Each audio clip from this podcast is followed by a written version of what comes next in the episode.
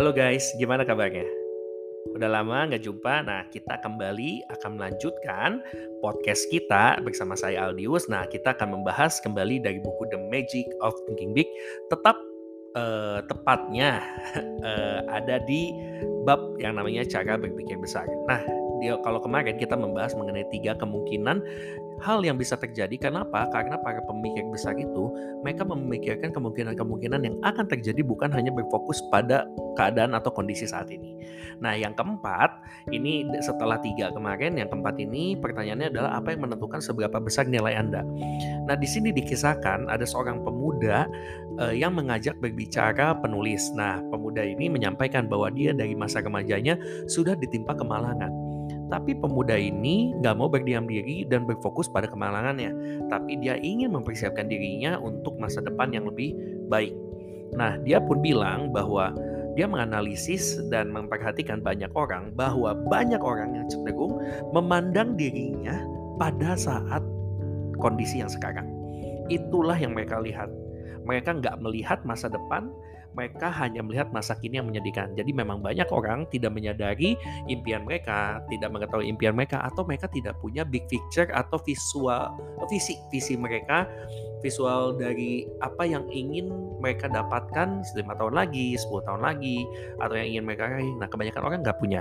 Nah, di sini dia menceritakan bahwa tetangganya dia selalu mengeluhkan mengenai gajinya yang rendah, pipa ledeng yang bocor, orang lain yang meraih keberuntungan, dan berbagai tagihan yang menumpuk.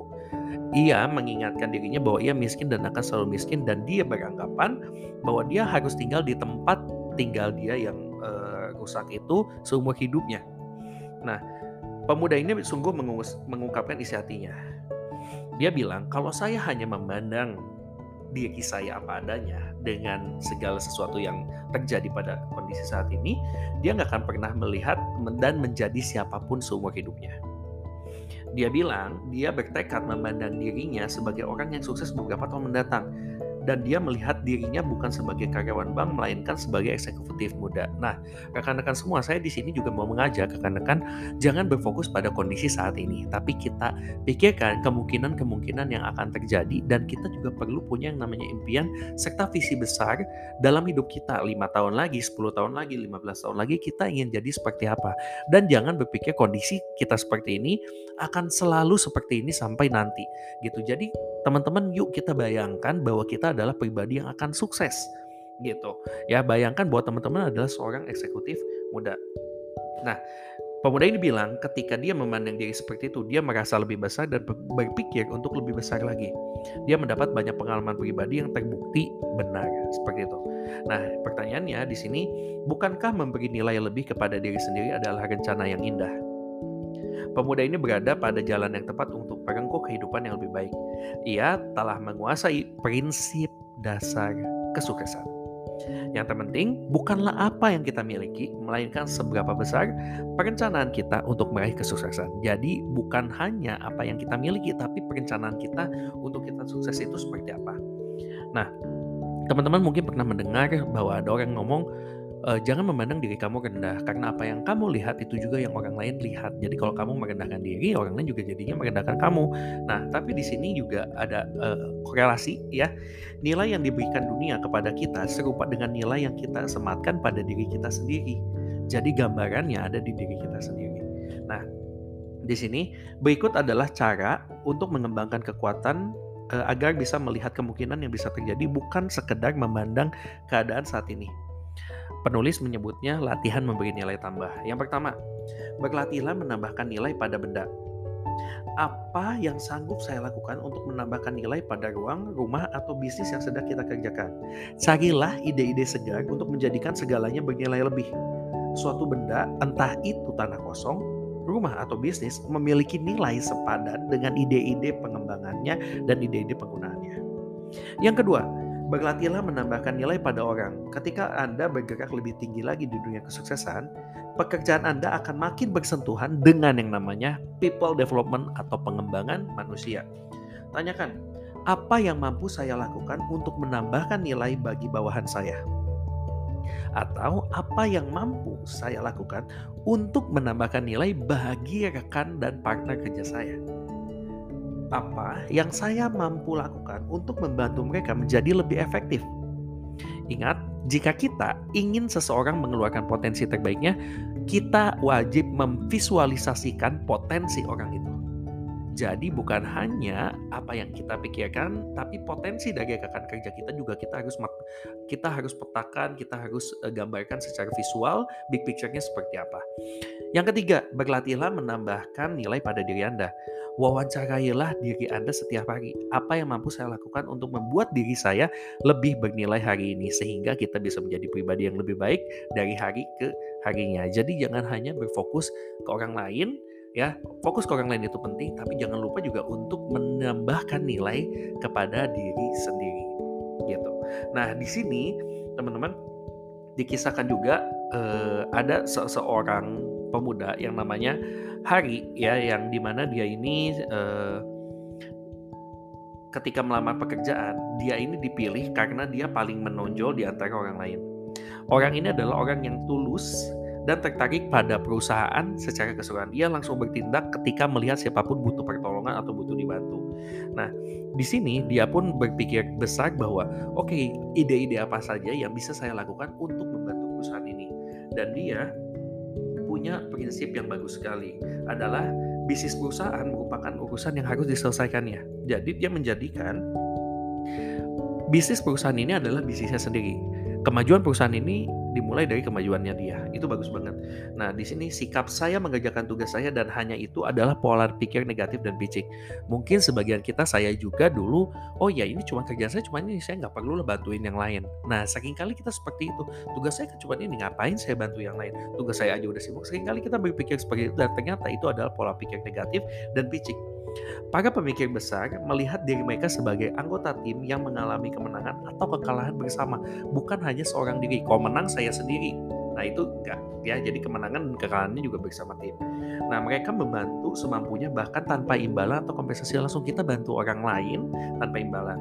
Nah orang yang menutup mata dan tidak memedulikan masalah di luar departemennya takkan pernah meraih kepemimpinan puncak. Berlatihlah rekan-rekan semua untuk menjadi pemikir besar, pandanglah kepentingan perusahaan, kepentingan tim sebagai kepentingan Anda juga. Kepentingan rekan kerja kita juga sebagai kepentingan kita juga. Kenapa? Karena mungkin hanya segelintir orang yang tulus dalam bekerja dan hanya segelintir orang pula yang bisa menjadi pemikir besar. Nah, di sini acap kali hal-hal sepele yang gak penting menghalangi banyak langkah orang dalam meraih eh, prestasi atau kesuksesan Nah, lebih baik kita fokuskan uh, kepada hal-hal yang kira-kira itu sering kali menghambat kita tuh apa aja. Nah, yang pertama, di sini uh, diambil contohnya mengenai apa yang harus dilakukan untuk menjadi pembicara yang memukau. Kita pernah mendengar bahwa saya sendiri pun pernah melakukan uh, bukan penelitian ya, pernah cari-cari gitu bahwa banyak orang itu takut untuk berbicara di depan umum. Ya, nah bahkan ya memang sebenarnya banyak orang yang gak memiliki kemampuan itu. Sebagian besar orang adalah pembicara yang buruk. Mengapa? Nah, ternyata bukan pembicara yang buruknya itu bukan karena oh mereka dari leher uh, udah udah nggak bisa jadi pembicara yang baik bukan. Tapi karena alasannya sederhana. Sebagian besar orang hanya berkonsentrasi pada hal sepele dan kecil, kecil serta mengorbankan hal-hal penting dan besar. Jadi mereka jadi pembicara yang buruk itu bukan karena mereka nggak bisa, tapi karena mereka salah fokus, teman-teman. Jadi selama bersiap teman-teman nih untuk menjadi pembicara, orang cenderung memberi arahan mental seperti ini kepada dirinya. Jadi mereka tuh sugesti diri sendiri malah kayak gini. Wah nanti saya harus berdiri tegak. Uh, nanti saya nggak boleh banyak bergerak dan menggunakan banyak tangan atau jangan sampai peserta ngelihat saya baca teks deh. Uh, jangan sampai saya juga membuat kesalahan tata bahasa khususnya jangan berkata hal seperti kalian, iya dan saya Terus pastikan penampilan saya, dasi saya tegak lurus dan berbicara dengan keras, tapi jangan terlalu keras. Sering kali teman-teman, ini sugesti yang kita masukin ke dalam diri kita dan tebak hasilnya. Ketika peng, sang pembicara berdiri dan tampil, ia akan ketakutan karena ia sudah memberi banyak larangan kepada dirinya sendiri. Dan ia gagal karena dia berkonsentrasi pada hal-hal kecil dan sepele. Nah sering kali teman-teman kita itu malah fokusnya ke hal-hal kecil dan sepele bukan kepada hal-hal yang memang seharusnya itu yang jadi titik fokusnya gitu. Contohnya ya iya nah dia tuh kenapa bisa gagal karena dia uh, gagal berkonsentrasi pada hal yang besar yang dimiliki seorang pembicara hebat yaitu pengetahuan tentang isi pidato dan keinginan membara untuk menyampaikan kepada orang lain jadi yang penting adalah pemahaman dia mengenai isi dari uh, pidatonya atau apa yang dia sampaikan. Jadi tes sesungguhnya dari seorang pembicara bukan terletak pada posisi berdirinya di atas panggung atau kesalahan dalam tata bahasa, tetapi pada pemahaman para peserta terhadap isi pidatonya. Jadi even kita menggunakan bahasa-bahasa yang kayaknya kesannya wah keren gitu ya, tapi kalau itu nggak mudah dimengerti sama audiens itu uh, akan membuat audiens jadi lebih sulit untuk menerima, menerka dan memahaminya gitu. Nah, kebanyakan pembicara hebat memiliki kekurangan, misalnya suara mereka kurang enak mendengar. Nah, tapi mereka bisa menyampaikan dengan baik ya karena mereka memahami dan bisa menyajikan, menyampaikan dengan baik sehingga lebih mudah dimengerti uh, sama orang-orang gitu. Semua pembicara sukses memiliki satu kesamaan. Mereka memiliki sesuatu yang akan disampaikan dengan bersemangat kepada orang lain. Antusias juga menjadi salah satu kuncinya. Ya, Anda nggak boleh membiarkan hal sepele menghalangi Anda sukses berbicara di depan umum. Itu yang pertama, hal sepele yang biasanya menghambat orang untuk uh, punya tanggung jawab lebih atau untuk lebih sukses gitu ya, untuk punya prestasi lebih baik. Yang kedua, apa yang menyebabkan percekcokan? Nah, maksudnya gini, sering kali teman-teman, kadang kita itu uh, jadi apa ya? Kita sering kali jadi sering berselisih paham sama orang-orang gitu ya. Nah, ini tuh karena sering kali kita ini uh, salah respon kadang kita itu impulsif langsung merespon dan itu ternyata atau celetukan-celetukan kita, omongan-omongan kita ini tuh sebenarnya nggak bisa diterima sama orang lain. Nah makanya di sini hal-hal kecil dan pikiran picik akan memantik yang namanya perdebatan. Jadi Anda harus berusaha menghindari percekcokan dan pikiran picik. Jadi istilahnya respon. Respon ini bisa dimulai dari yang tadi kemarin nih sempat dibahas mengenai bapak kemenangan atau bapak kekalahan. Ya jadi kita responnya mau negatif atau mau respon positif.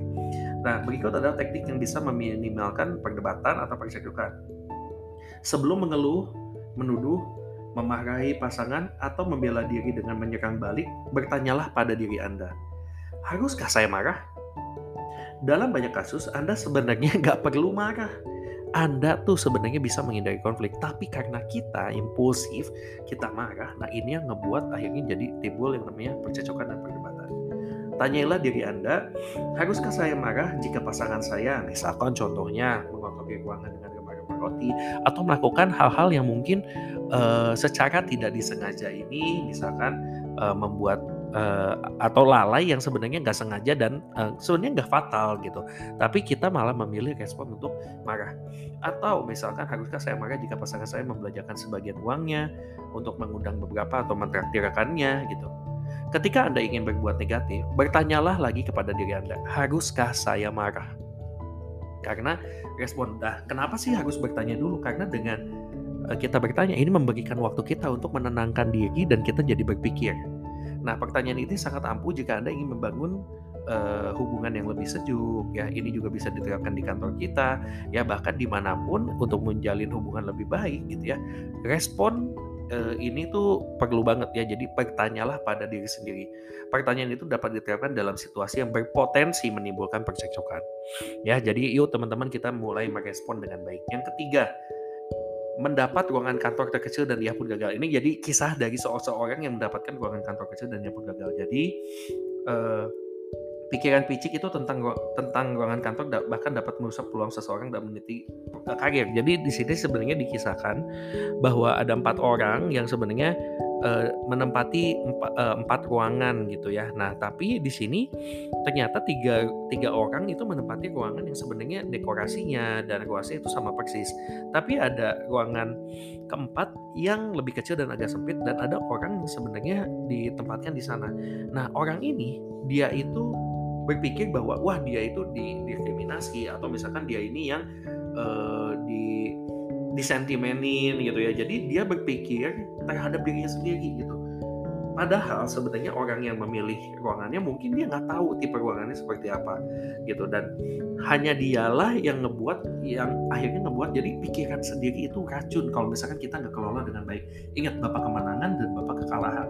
Itu yang uh, kita ingatkan lagi. Jadi ketika kita mengalami sesuatu, jangan berfokus, oke, okay, wah kok kayak gini, saya kok dibedain ya. Nah hal-hal seperti itu tuh berbahaya. Kita berpikir secara picik. Yuk teman-teman kita mulai berpikir positif. Jika Anda berpikir picik tentang hal-hal yang tidak penting, Anda akan tersinggung bila melihat nama Anda berada di urutan terakhir dalam lembaga daftar nama atau mendapat salinan yang lain. Anda harus mulai berpikir besar dan mengabaikan hal-hal sepele seperti itu. Sebenarnya kan bukan berarti bahwa kita itu, wah iya nih saya dikucilkan. Enggak gitu. Yang keempat, gagap adalah hal kecil. Nah ini juga dikisahkan ada seorang eksekutif penjualan berpendapat bahwa gagap adalah hal sepele jika orang itu memang berkualitas. Nah sering kali kita melihat berdasarkan kemampuannya, tapi kita nggak lihat di bahwa orang tersebut ini mampu atau enggak gitu. Nah di sini uh, ketika orang mengalami kekurangan dan kita lihatnya oh iya nih kita sering kali berasumsi wah dia punya kekurangan seperti ini kayaknya dia nggak bisa deh kayaknya dia akan terganggu deh dan lain-lain jadi sebenarnya intinya dari kisah yang keempat ini uh, sering kali kita tuh berasumsi bahwa orang akan terganggu ini itu padahal orangnya sebenarnya tidak terganggu gitu dan sebenarnya dia itu uh, punya semangat yang tinggi, dia punya kualitas yang baik. Seringkali kita ini teralihkan dengan oh iya nih dia memiliki kekurangan ini, kekurangan itu dan kita tidak melihat potensi besar yang sebenarnya dia miliki. Yang sebelumnya tadi kita bahas bahwa kita kalau misalkan mau rekan kerja kita lebih sukses, kita ayo kita visualisasikan potensi besar yang dia miliki. Tambahkan nilai kepadanya. Gitu. Nah, di sini uh, ada tiga tips untuk membantu kita menghindari hal-hal yang sepele. Yang pertama, berfokuslah kepada tujuan yang besar. Acap kali kita mirip dengan tenaga penjualan yang melaporkan kegagalannya memenuhi target penjualan kepada sang manajer. Ya, tapi saya sudah meyakinkan konsumen bahwa ya keluar. Dalam penjualannya tujuannya adalah menjual, bukan berargumen belaka. Nah, dalam pernikahan tujuannya adalah meraih kedamaian, kebahagiaan, dan ketenangan bukannya bertengkar atau berkata sudah aku bilang kan nah jadi sebenarnya tips yang pertama ini kita tuh jangan sering kali jadi salah fokus bukan ke tujuan akhir kita tapi kita sering kali teralihkan sama hal-hal sepele yang menghalangi yang terjadi ketika kita mau meraih tujuan utama kita gitu nah di sini sering kali itu kayak misalkan oh iya tujuan saya dalam pernikahan tuh saya pengen meraih kedamaian nih. Tapi ketika ada sesuatu kita lebih tersulut untuk bertengkar kita lupa sama tujuan kita untuk meraih kebahagiaan gitu. Nah sering kali kita juga ketika kita menjalin hubungan sama orang tujuan gue mau menawarkan nih produk tapi kok dia tuh uh, malah jadi ketus dianya nolak saya dan akhirnya membuat kita jadi ah males banget nih sama dia. Bukannya kita berusaha untuk menawarkan uh, produknya gitu tapi malah kita berfokusnya pada respon dia yang kurang baik dan membuat kita juga jadinya respon yang tidak baik Nah, ini ada kutipan dari sebuah militer yang sangat terkenal. Lebih baik kalah dalam pertempuran dan menang dalam perang daripada menang pertempuran dan kalah da, uh, perang gitu. Nah, pastikan Anda selalu memandang tujuan besar. Nah, sudah belum teman-teman punya tujuan besar? Yuk kita tentukan dan janganlah fokus kepada hal-hal sepele yang mungkin akan timbul ketika kita ingin mencapai tujuan besar kita. Yang kedua, tanyakan kepada diri Anda, haruskah saya marah atau berpikirlah dahulu, tanyakan kepada diri sendiri. Sebelum berpikir negatif, bertanyalah pada diri Anda. Ya, di sini pertanyaannya haruskah saya marah? Tapi sering kali ini teman-teman ketika kita, wah terpancing nih untuk memberikan respon negatif, pikirkan apakah respon saya tepat? Ini juga penting. Yang ketiga, jangan terjebak oleh hal-hal sepele ya di sini pikirkan hal yang penting saja. Jangan tenggelam dalam masalah-masalah sepele berkonsentrasilah pada hal-hal yang penting aja hal-hal yang menuju ke tujuan besar kita. Gitu. Nah teman-teman di sini ada uh, kayak sebuah pes gitu ya. Sebenarnya ada uh, lebih ke seperti harusnya pendekatan pikiran besar itu seperti apa? Contoh-contohnya. Nah ini ada, saya akan bacakan beberapa, tapi teman-teman kalau mau lebih detail lagi jangan lupa beli bukunya, jangan lupa teman-teman baca sendiri mengenai buku The Magic of Thinking Big ini adalah hasil interpretasi dari saya gitu. Nah di sini yang pertama misalkan. Kalau misalkan kita eh, dalam hal percakapan gitu ya kita kalau yang pendekatan pemikir picik biasanya bi mereka bilang membicarakan sisi negatif teman, ekonomi, perusahaan, dan pesaing. Tapi kalau pendekatan berpikiran besar, kita membicarakan sisi positif teman, ekonomi, perusahaan, dan pesaing. Jadi kita melihat dari sisi positifnya bukan sisi negatifnya. Kalau pemikir picik berusaha menghindari pekerjaan, sedangkan uh, pemikir besar itu berusaha mengerjakan hal lain khususnya menolong sesama. Dan dalam hal visi, kalau pemikir picik itu memandang dari segi jangka pendek, tapi kalau berpikiran besar memandang dari segi jangka panjang. Itu aja rekan-rekan semua uh, apa yang kita bahas pada pagi hari ini. Sampai jumpa di podcast berikutnya. See you.